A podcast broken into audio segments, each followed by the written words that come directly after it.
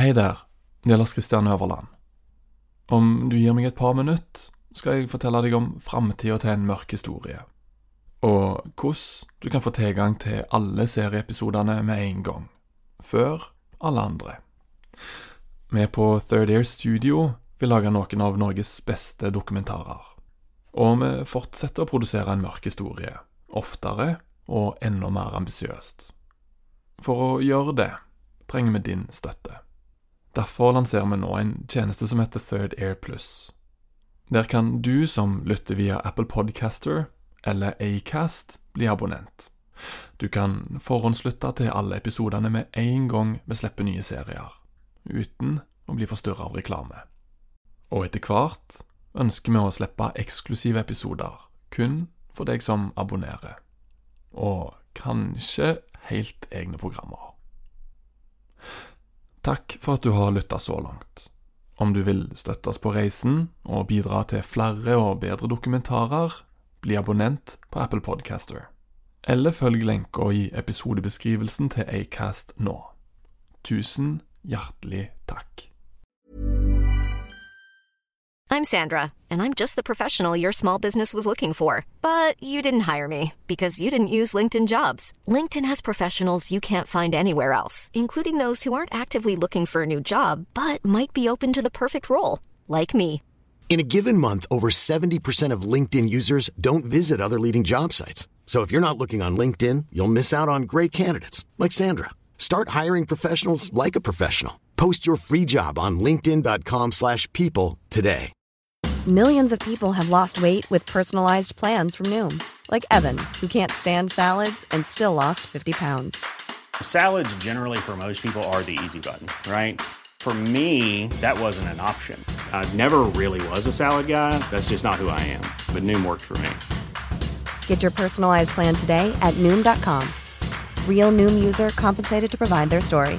In four weeks, the typical Noom user can expect to lose one to two pounds per week. Individual results may vary.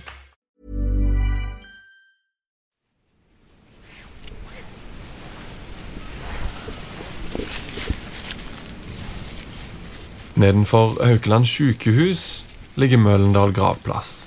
Den største i Bergen. Som oftest tenker jeg at det er sykt kaldt jeg vil bli ferdig.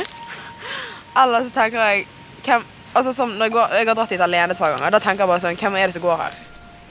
Lange rekker med grå gravsteiner som stikker opp fra gresset. Og så begynner jeg å tenke sånn Om det, vet ikke, om det er noen som spionerer på meg når jeg er her. Så sitter jeg sitter alltid og ser sånn. Det er surt vær. Det regner og blåser.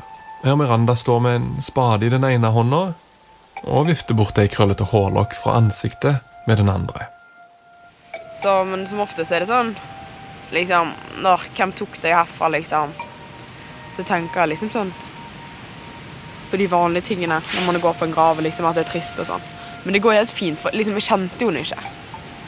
Men jeg syns jo det er trist uansett, liksom. Det er vanskelig for Salome å besøke grava til sin mor.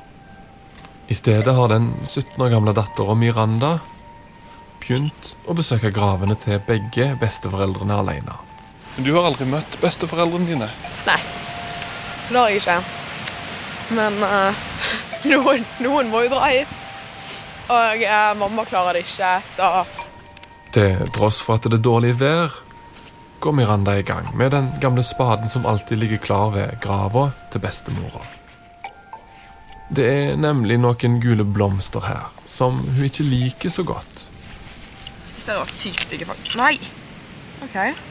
Knakk spaden. Ja, den er sikkert, den er sikkert ligget her i sånn 50 år. Åh, hallo. Helt Altså, disse sitter helt nede, liksom. De er sikkert Å, de er sikkert Altså, de er sikkert vokst lenger ned i jorden. Du skal ha den opp? Ja, gi meg ikke. Altså, den, den vokser jo bare lenger ned. Det er ikke første gang Miranda luker opp blomster på bestemora si grav. Og det er heller ikke første gang en ukjent planter de. Kanskje den samme personen som en gang etterlot ei frisk, gul rose på grava. Ingen i familien vet hvem det er som planter blomstene. For Eime hadde jo nesten ingen venner. Synes, for det første syns jeg de er stygge. Jeg syns de er sykt stygge.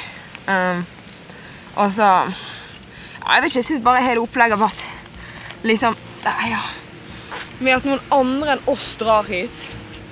At det er noen andre, liksom Mamma som savner henne, da. Mitt navn er Lars Kristian Øverland. Du hører på en mørk historie. Mindesaken del fire. Gule blomster på grava. Etter besøket på gravplassen med Miranda har jeg mange ganger tenkt på tenåringen som rykker blomster opp av jorda på bestemora si grav. For meg blir det her selve symbolet på alt som er galt i mindesaken. Helt til drapsmannen er funnet, og familien får svar, vil grava aldri bli det fredfulle minnestedet den burde være. Og Miranda vil fortsette å luke bort de blomstene som en fremmed plante. Over Buros si grav, et steinkast unna, hviler en enda større skygge. Han blir fortsatt mistenkt for å ha drept sin ektefelle. Sånn behøver det ikke være. En ny DNA-analyse av den lille nattkjolen Feime ble funnet i. Avskrapet fra under neglene hennes eller tørkle som Salome løsna. Da hun fikk øye på den røde streken på halsen, kunne kanskje fjerne tvilen. Kan det virkelig være sånn at politiet destruerer bevis mens drapsmenn går fri?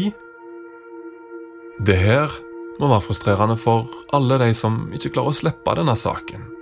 Som den pensjonerte etterforskeren Harald Budal. Jeg tror det er kasta. Jeg skulle ikke forbause meg. Det er helt forferdelig. Altså øh, Opprydning og så Nei, det har ikke han er ferdig. Den saken er ferdig. sant? Å se historisk på det, det var litt vanskelig. Ja, og jeg, og jeg tenker jo sånn Om 10-20-25 år så vil det være en rekke nye metoder som kommer alltid en utvikling. Ikke sant? Sånn, plutselig så hadde man gjerne kunne hatt Og det har jo skjedd, så du sier etter vi fikk DNA, så er det mange løsninger som har kommet. Det er, en, det er jo en annen sak på Østlandet fra eh, som òg var fra 94, eh, hvor det ble domfellelse for et par år siden. Fordi at de fant neglene, og hun hadde klort gjerningsmannen. Akkurat. Ja, det er nok det. Eh, Da har du det nå. da har du teknisk bevis fra drapsstedet, ikke sant? Det er jo altfor mega.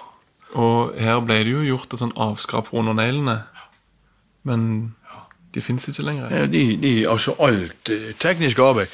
Jeg vet jo det at det var jo to, i hvert fall to teknikere som jobbet i huset der i, i alle fall flere dager. Kostet omtrent ned hele huset. Jeg ringer fra politiet i Bergen til Justisdepartementet og videre til Politidirektoratet. Gunnar Fløystad og er leder for Felles enhet for påtale i eh, Vest politidistrikt. Men det er ingen som mener de har ansvaret, og de peker hele veien videre på neste institusjon. Og ingen vil egentlig la seg intervjue om det her. Jeg har ingen forutsetninger for å si eller mene noe om den konkrete saken. Det er Jeg begynner å sjåføre meg et ansiktsløst, byråkratisk monster. Ei slags kvarn som pulveriserer negler, nattkjoler, sko og andre tause vitner. Hvor blir det her av? Til slutt ender jeg opp hos lederen av Cold Case-gruppa igjen, Espen Erdal. Han som får ansvaret for å pusle sammen ledetrådene igjen i gamle saker. Hender det at dere ser på saker hvor tekniske bevis er destruert eller borte? Ja, dessverre så, så er det tilfellet i flere av de sakene vi all, allerede har vært inne i. Eh, Jeg ønsker ikke å gå inn på, på konkrete enkeltsaker, men, men vi konstaterer det at, eh, at det skjer. Hva betyr det for etterforskninga deres? Det, det betyr jo mye. Som, som jeg sa, så er jo kriminaltekniske bevis helt, helt sentralt. eh, Og det er det som eh, normalt sett gir den største muligheten til å, å, å oppklare en, en gammel sak eh, i, i dag. Vi vet jo ikke om det materialet som den gangen var sikra, og som Vi vet ikke om det ville bidratt til å løse saken i dag. Men det er iallfall en av de få mulighetene man har. Og når dette er borte, så har man i alle fall ikke den muligheten heller. Hvorfor er det borte? Jeg skjønner ikke det helt.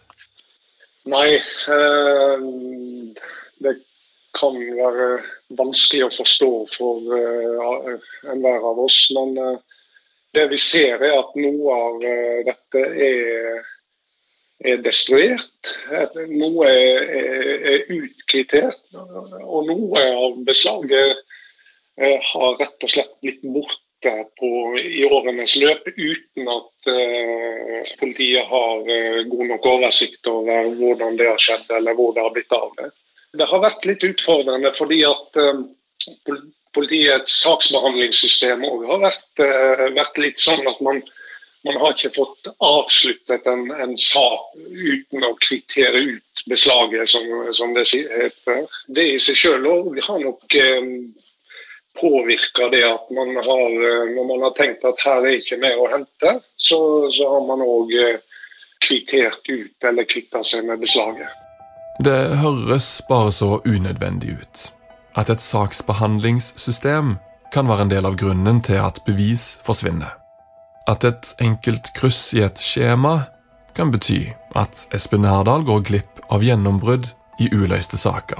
I etterpåklokskapens lys i alle fall så er det veldig uheldig i disse mest alvorlige sakene. Så hvorfor er det sånn? Espen Erdal vet ikke. Harald Budal vet ikke, og jeg vet slettes ikke. Men kanskje vet professor i strafferett ved Universitetet i Bergen, Asbjørn Strandbakken. Nei, altså det der er vel eh, Den korte, korte versjonen er vel at det ikke er spesielle regler om dette, så ja, så, sånn er det. Ja, altså, jeg er jo Jeg føler meg jo litt, litt sånn naiv, da, eh, her. eh, For, for meg var det et lite sjokk, og så har jeg lært å forstå at det er vanlig. Det gjorde en, og det fortsetter vi å gjøre. Ja, det er ofte sånn. Eh, og det er jo ingen klare regler, og det, det syns jeg er veldig uheldig. Ja, altså i den saken her, da. Det er jo min, det er Minde-saken fra 1994. Ja, jeg husker godt den. Ja, ikke sant? Eh, og den, der er det jo det enorme skygger som kastes i dag. Du har Ja. dattera som fant mora si, som ikke får til å gå videre fordi hun har ikke fått svar. Ja. Eh, barnebarn som går på grava til sin bestemor. Eh, du har en som er frikjent, men som det fortsatt kastes litt skygger over. Og du, har, og du har en som har tatt livet sitt, som eh, Ja. mange mistenker at eh, det er han, liksom. Nei, så jeg tror nok det er mer systemet enn er politiet i det enkelte distrikt, fordi at de er litt sånn prisgitt hvilke ressurser og rammer de får. Og det vil jo koste å oppbevare en del av disse tingene. Så, så det, det her er rett og slett i stor grad et politisk spørsmål? Ja, jeg ville tatt, tatt opp med justis, eh, eh, hvem som helst, holdt på si. Så til syvende og sist justisministeren. Som sagt, eh, at politiet i Bergen kaster alle spor i Binde-saken, ja, det tror jeg ville skjedd i et hvilket som helst politidistrikt, så lenge du ikke er klar regler hvordan dette er. Jeg vet selvsagt ikke om en ny DNA-prøve hadde løst Minde-saken, men jeg vet nå at det er mulig at drapsmenn i Norge går fri, fordi bevismaterialet ikke oppbevares for ettertida. Eller som Harald Budal sier det. Det er litt sånn slendrian at ikke det blir gjort. Eh, det er bare som du sier, legger viljen til, så får man det til. Og det tar ikke så stor plass. Sant? De må jo ha de har jo plass til vaskebøtter alle veier, så de må jo ha plass til en liten et lite, lite reagensglass. For å si det litt fleipete, da. Det er ikke kun Salome som må leve med konsekvensen av at saken ikke er oppklart. Det samme må Amin. For selv om han er frikjent, har etterforskerne ved flere anledninger sagt at de mente de hadde rett mann. Uten ny dom i saken henger den beskyldninga tungt i lufta. Og så er det selvsagt beros. Da advokat Odd Drevland fikk alibiet hans fjerna i den andre rettssaken, ble han for mange den mest sannsynlige drapsmannen. Og siden en ikke får DNA-testa beslagene fra åstedet, kastes det skygger over begge de to mennene. Jeg har spurt Amin gjennom hans advokater om hva det betyr for han. Han ønsker ikke å uttale seg. Men hva det må ha betydd for Beros, vet jeg. For det nevner han sjøl i brevet som lå på bordet hvor han ble funnet død. Og av alle dokumenter i saken er kanskje det her det som slår hardest mot meg hver gang jeg ser det. Jeg har fått noen andre til å lese det opp. Jeg skriver for å gjøre folk forstått med hvordan jeg har hatt det de siste 35 månedene. Det har vært ensomt uten familie eller støttespillere. Det er politiet sin jobb å finne den skyldige. Det er ikke meg. Men det er meg de sikter til i reportasjen jeg har lest i Bergensavisen på lørdag den 22. mars 1997. Jeg må si at jeg ikke har hatt noe med den hendelsen å gjøre. Jeg er forvirret, og jeg vet ikke hva som har skjedd. Jeg vil at det norske rettssamfunnet straffer den skyldige, hvem det måtte være. Hvis jeg tar livet av meg sjøl, er det fordi jeg ikke klarer å gå gjennom den tragiske hendelsen og oppleve det helvete på nytt. Jeg er kanskje en person av disiplin, men jeg er ingen blodtørstig morder. Jeg ber om følgende. Politiet må ikke henlegge saken. Som du kanskje husker i episode tre, så hadde Beros allerede vært suicidal ei stund før saken kom opp igjen. Da Beros flytta fra Minde til Aurdalslia, tok han med seg alle Faimes eiendeler. Han pakka de opp igjen, plasserte klærne hennes i klesskapet. Han forklarte til politiet at han plasserte sminken og parfymen hennes på det nye badet, fordi han ville kjenne lukta av henne. Vi vet fra drapsstatistikkene at kjærlighet ikke er en beskyttelse mot drap, snarere tvert imot. Men statistikken er ikke nok til å gjøre en død mann ansvarlig for et uløst drap. Sannheten er at Beros aldri ble tiltalt. Årsaken til at mistanken fortsatt henger over han, er at advokat Odd Drevland viste at Fahime kunne ha blitt drept før Beros gikk hjemmefra. Å fjerne Beros sitt alibi, for så å rette mistanke mot en død mann, står kanskje ikke høyt i kurs utenfor rettssalen. Men Drevland gjorde bare det her for å forsvare sin klient. Å bevise at Beros var skyldig, derimot, var slettes ikke hans jobb. Akkurat det ble faktisk aldri noen sin jobb, fordi Beros ikke lever lenger, og det var ingen andre mistenkte. Etterforskerne Budal og Lian Mathisen var for lengst på nye saker. Og det var på det her tidspunktet at denne saken ble pakka ned i esker, og de mulige bevisene fra soverommet forsvant en plass i byråkratiet. Det går opp for meg at det faktisk ikke er noen som har sett på Boros sitt alibi etter den andre rettssaken. Så jeg leser gjennom vitneavhøret og rapportene en gang til. Og lytter gjennom opptakene med rettsmedisinerne for n-te gang. Så finner jeg noe. I intervjuet med Ulin Hansen, noe jeg først trodde var en overflødig kommasetning. Jeg, tror ikke, jeg skjønner ikke helt For at det er Det er vel av en eller annen som ikke jeg vet, så er det satt så, så er 12.30 satt som det tidligste dødstidspunktet. Hva er det Ulin Hansen reagerer på her? Han bruker jo samme metode som den aller første rettsmedisineren Inge Morild, som obduserte Faime. Men Morild har satt det absolutt tidligste dødstidspunktet til 12.30. Altså kun tre minutter før Bros sto på bussen. Hvor kommer det her fra? Så finner jeg det. Et dokument fra Inge Morild til statsadvokat Walter Wangberg. Datert 9. april 1997. Ca. et halvt år før andre rettssak. Brevet handler egentlig om noe annet, men i et par setninger skriver han at Amin sjøl under den første rettssaken forklarer at han prata med Fahime på drapsdagen klokka 12.30. Hva? Har Amin sagt at han prata med Fahime 12.30? Da har jo Beros gått hjemmefra. Hva er det her? Gir Amin Beros alibi? Det her er fra første rettssak, hvor alle regner med at Beros har alibi. Altså kan ikke Amin ha noe interesse av å undergrave Beros. Jeg er på vei til Oppdal med toget, mens jeg febrilsk blar gjennom papirene. Er det mer her som jeg har oversett? Og så finner jeg det. I en notatblokk ved siden av en telefon på Østlandet. Toget ankommer samtidig Oppdal. Jeg lukker laptopen og løper ut på perrongen hvor kjæresten min står og venter foran bilen sin. I hodet mitt fyker klokkeslettene fram og tilbake. Jeg tror jeg har funnet det. Bero sitt alibi, sier jeg til henne. Men hva med kinoene dine, spør hun og ler, mens de kjører vekk med toget mot Trondheim. Før jeg deler det jeg har funnet med Salome, er det to telefonsamtaler jeg må ta.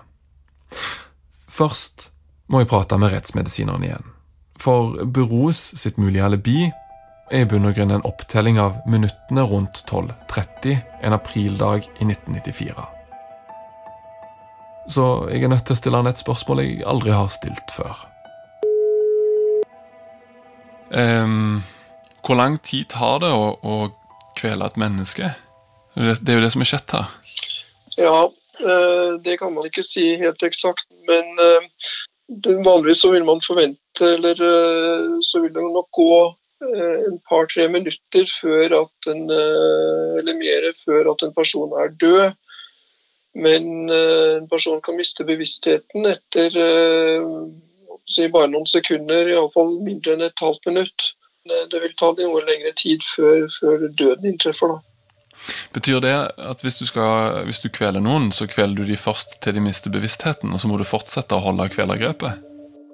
Ja, du må fortsatt holde et grep før at personene dør. Så er jeg klar til å legge fram funnene for hun som leder etterforskningen, Tove Lian Mathisen. Ja, Tove. Hallo, Tove. Det er Lars Kristian. Ja, hei. Hei, du. Har du tid til å prate? Ja da, nå uh, går det bra. Jeg, har, nå, jeg er ikke sikker her om jeg har funnet ut av noe smart, eller om jeg bare er så dum at jeg tror jeg er smart, hvis du skjønner. ja. Men jeg lurer på om jeg har funnet noe interessant her, altså. Det jeg skal legge fram for etterforskningsleder Mathisen, er litt teknisk. Men det handler i bunn og grunn om én ting. Hadde Beros tid til å drepe Faime? Og det er ikke moderne naturvitenskap, kroppstemperatur og rettsmedisin som avgjør Baros sitt alibi, men en gammel fasttelefon og ei papirblokk med notater skrevet for hånd. Dersom Amin prata med Faime 12.30, bekrefter jo han at hun var i live når Beros dro hjemmefra. Og til slutt er det jo da Amin som gir Beros alibi. Men blir det virkelig sånn når vi legger minuttene sammen?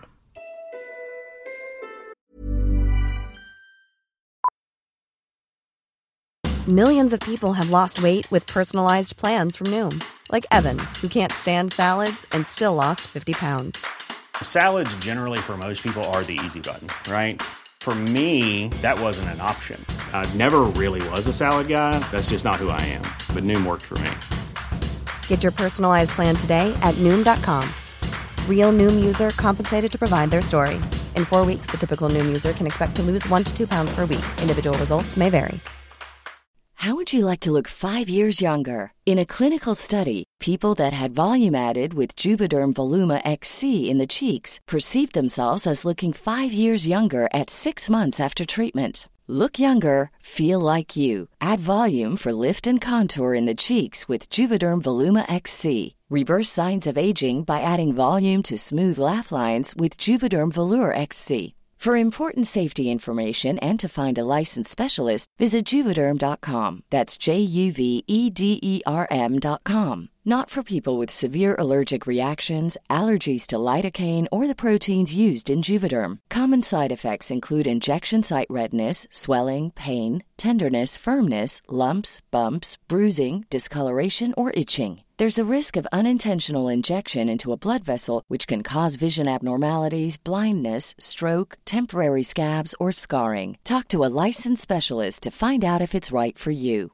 How would you like to look five years younger? In a clinical study, people that had volume added with Juvederm Voluma XC in the cheeks perceived themselves as looking five years younger at six months after treatment. Look younger, feel like you. Add volume for lift and contour in the cheeks with Juvederm Voluma XC. Reverse signs of aging by adding volume to smooth laugh lines with Juvederm Volure XC. For important safety information and to find a licensed specialist, visit juvederm.com. That's J U V E D E R M.com. Not for people with severe allergic reactions, allergies to lidocaine, or the proteins used in Juvederm. Common side effects include injection site redness, swelling, pain, tenderness, firmness, lumps, bumps, bruising, discoloration, or itching. There's a risk of unintentional injection into a blood vessel, which can cause vision abnormalities, blindness, stroke, temporary scabs, or scarring. Talk to a licensed specialist to find out if it's right for you.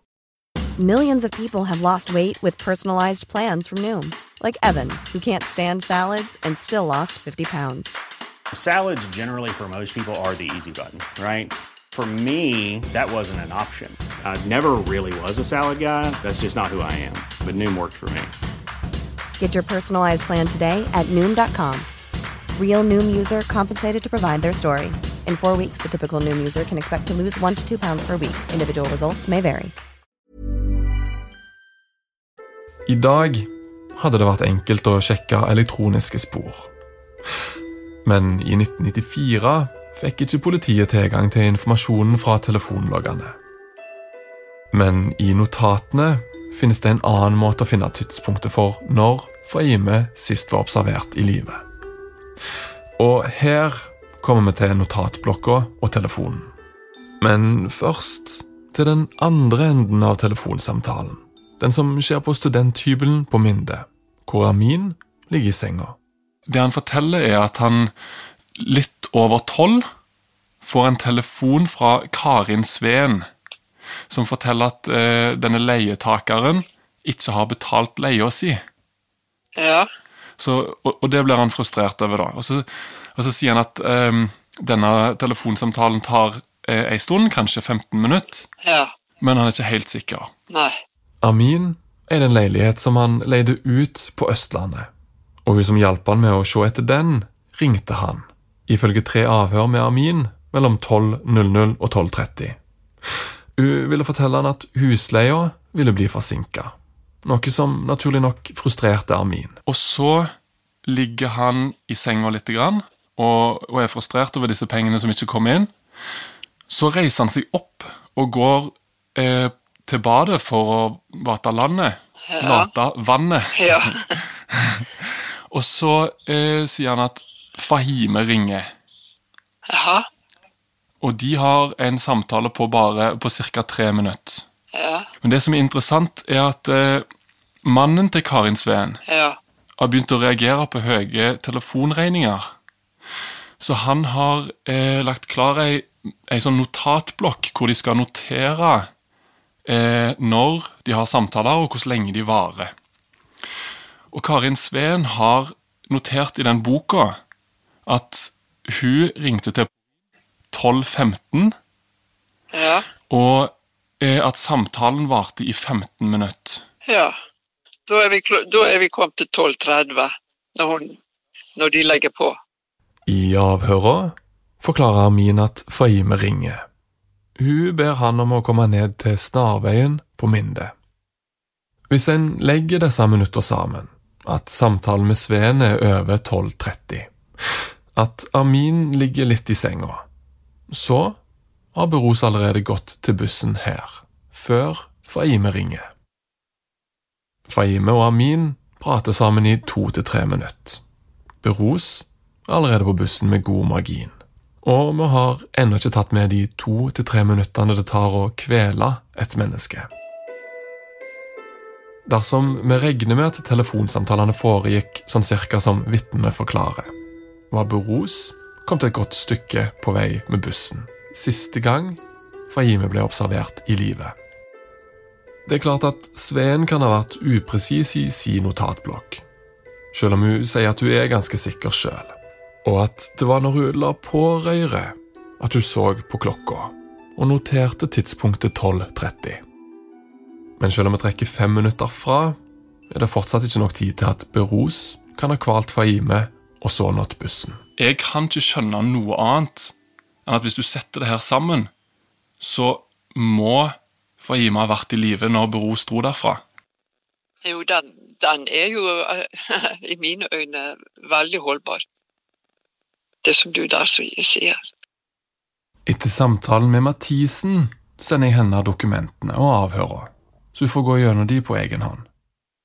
Hun ringer tilbake et par dager senere, enda mer overbevist om Bros sitt alibi. Det her er en podkast, og ikke en rettssal. Og jeg kan heller ikke vurdere om det her ville holdt i retten. Men dertil kommer vi nok aldri. For Beros har aldri vært tiltalt for drapet. Grunnen til at mistanken henger over han, er den andre rettssaken. At Amin ble frikjent, og fordi det aldri var noen andre i politiet sitt søkelys. Men uansett så skylder jeg Salome å dele det jeg har funnet med henne. Tanken på at det var Beros, slapp nok henne for noen år siden. Da hun sammen med Bjørn Asle Nord, som skrev historien hennes, fant selvmordsbrevet som han skrev til henne. Allikevel er det vanskelig å holde følelsene tilbake. Nei, nå tenker jeg at eh...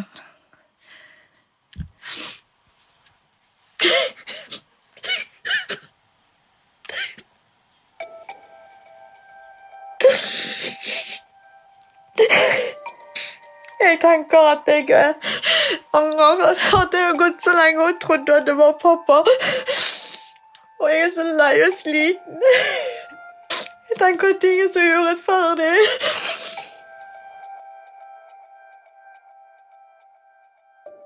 Jeg vet at eh, pappa var veldig stygg med mamma til tider også, men eh, det var vel kulturen og måten han tenkte og sånn, men jeg vet at pappa elsket mamma veldig høyt. At han var ikke i stand til å gjøre det uansett hvor mye han hatet med ting hun gjorde og sånn.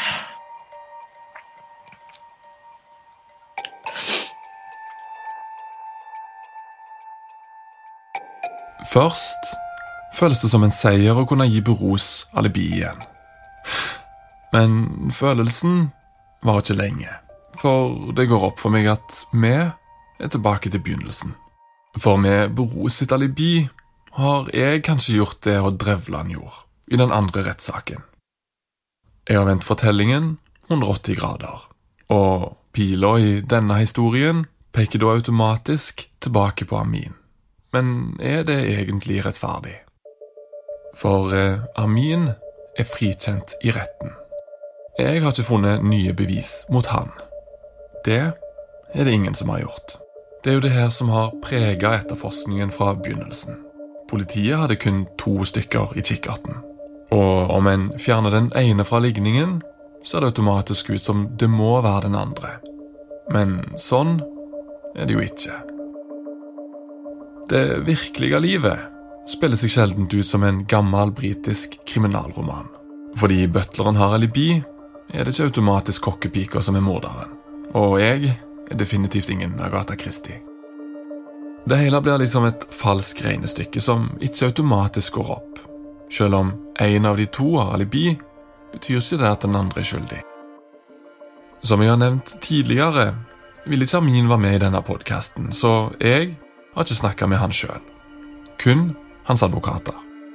Men alle som har hatt kontakt med han, nevner hvor usedvanlig han er. Ta nå f.eks. denne historien, som Salome fortalte til Miranda, privatetterforsker Ørjan Hesjedal og meg, da jeg begynte på saken. Det var like etter frifinnelsen, og Salome skulle flytte. Den nå frie mannen Amin hadde tilbudt sin hjelp. Det syns jeg var litt ubehagelig, for jeg tenkte, det første jeg tenkte, at nå vet han hvor jeg bor. Det var det første jeg tenkte. Men så, så vi hadde jo ikke noe hjelp å få noen andre steder, så vi kjørte på å flytte. Eh, jeg sto eh, faktisk Det er jo litt sånn Det var samme type kjøkken som vi hadde som vi hadde kommet inn Så når jeg sto med vasken, så kunne jeg se hvem som sto utenfor. Og da åpnet jeg døren, da. Nei, da spurte han faktisk om jeg hadde lyst til å være med han på telttur, som jeg eh, fortalte deg. På telttur? På telttur. Han hadde kjøpt seg motorsykkel og hadde lyst til å ta meg på fjellet. Det var, sånn, eh, det var en gruppe som skulle på telttur, og de skulle meditere og litt sånn bla, bla, bla. Jeg måtte rett og slett bare lyge til han og si at jeg skal på jobb dagen etterpå. Jeg Du kunne ikke jobbe. Nei. Ja, men man har jo ikke lyst til å fyre opp. Pappa Så det var faktisk siste gang jeg så han. Han ville ha meg med på tur. Og jeg sa det skjer ikke. Var pappa der da? Det er fort gjort å fortelle en historie hvor Amin ser skyldig ut. For sannheten er at han er en rar fyr. Men som Ørjan Hesjedal forklarer, er det at noen virker rare, noe som går igjen i justismord. Han fremstår jo som en veldig intens person. En person som eh, de, de han omgås med, de, de, blir, de syns han blir som en klegg på dem. De, de prøver ofte liksom å feie han vekk. Han kommer hjem til eh, foreldrene til Salomé, og så begynner han å bruke klærne til deres, og, og dusje hjemme hos de. Eh, Ekskjæresten hans beskriver han som ubeskrivelig intens og eh, mye drama. Veldig sånn filosofisk, sant, og, og, og så videre. Og så er det sånn, hvis du da igjen tar et veldig stort antall saker, og så har du, kall det gjerne karakteravvikere, men de er litt annerledes enn kanskje en, A4, en helt A4-person. sant? De gangene man ender opp med å gjøre feil i, hos politiet og i rettssystemet, så handler det veldig ofte om karakteravvikere. Fordi de fremstår som rare, de forklarer seg annerledes, de forklarer seg usammenhengende, de kan forklare seg forskjellig. På mange måter lignende som en person som faktisk er skyldig. Det er selvfølgelig andre ting som peker mot Amin enn det at han var en sær karakter. Vi kjenner til hans spesielle forhold til ekteparet i Snarveien 7. Vi vet at han løy for politiet, at han ikke har alibi, men tvert imot var ute på sykkelen sin drapsdagen. Men her er problemet. En kan ikke dømme noen for drap fordi de er merkelige, fordi de lyger, eller fordi de har vært ute på sykkel, eller fordi det kun var to mistenkte, og den ene får alibi. Tekniske bevis, derimot, kan brukes i retten, men eh, ikke om de er kasta. For uvissheten går det ikke an å kaste. Den er der som et bakteppe i livet. Ja, jeg er veldig sliten. Jeg har jo begynt å gå på graven deres nå. Er med meg, og det er veldig vanskelig. Jeg trodde det skulle bli lettere, men det er tyngre og tyngre for hver gang jeg er der. Når en uoppklart drapssak henlegges, forsvinner ikke smerten hos de etterlatte. Og når bevis kastes bort, er det usikkerheten som blir stående igjen. Det fins ingenting jeg kan si til Salome for å gjøre turen til grava lettere. Men kanskje er det håp for andre som står i hennes sko i framtida. Det håpet spirer i en stor, tom og nedlagt hangar utenfor Oslo. En bygning hvor det blir plass til mange reagensglass. Ifølge en pressemelding fra Politidirektoratet er det nettopp langtidslagring av bevis som er formålet med hangaren. Og forhåpentligvis blir det lettere for Espen Ardal å finne fram til de tause vitnene i framtida. Det her er jo over to tiår for seint for å gi Salome svar. Men hun står heller ikke helt alene lenger, som da hun sjøl var tenåring. Kalle, kan du bare beskrive hva setter du nedi nå? Jeg har ikke peiling. Hva var det hun kalte det? Det er um, en Gultereia. Gultere, gultereia. Det er en blomst med, med grønne blader og, og røde, store bær på. Mm. Det ble mye finere nå, Ja. etter du rydda litt opp. Ja, men det må det. Det er sånn Hver gang jeg er her, så er det sånn alt som på en måte har stått her, har på en måte blitt sånn De har grodd sånne sykt lange røtter.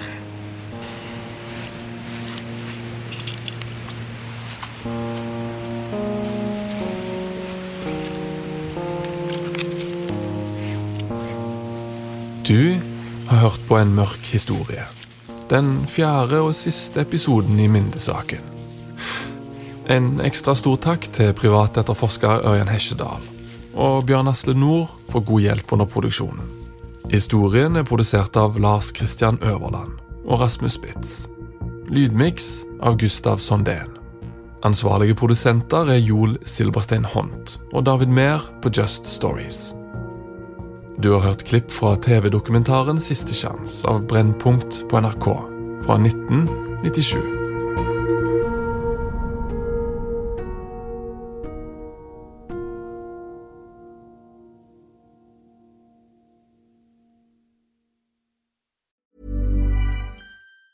Planning for your next trip? Elevate your travel style with Quince. Quince has all the jet setting essentials you'll want for your next getaway, like European linen, premium luggage options, buttery soft Italian leather bags, and so much more. And is all priced at 50 to 80% less than similar brands. Plus, Quince only works with factories that use safe and ethical manufacturing practices.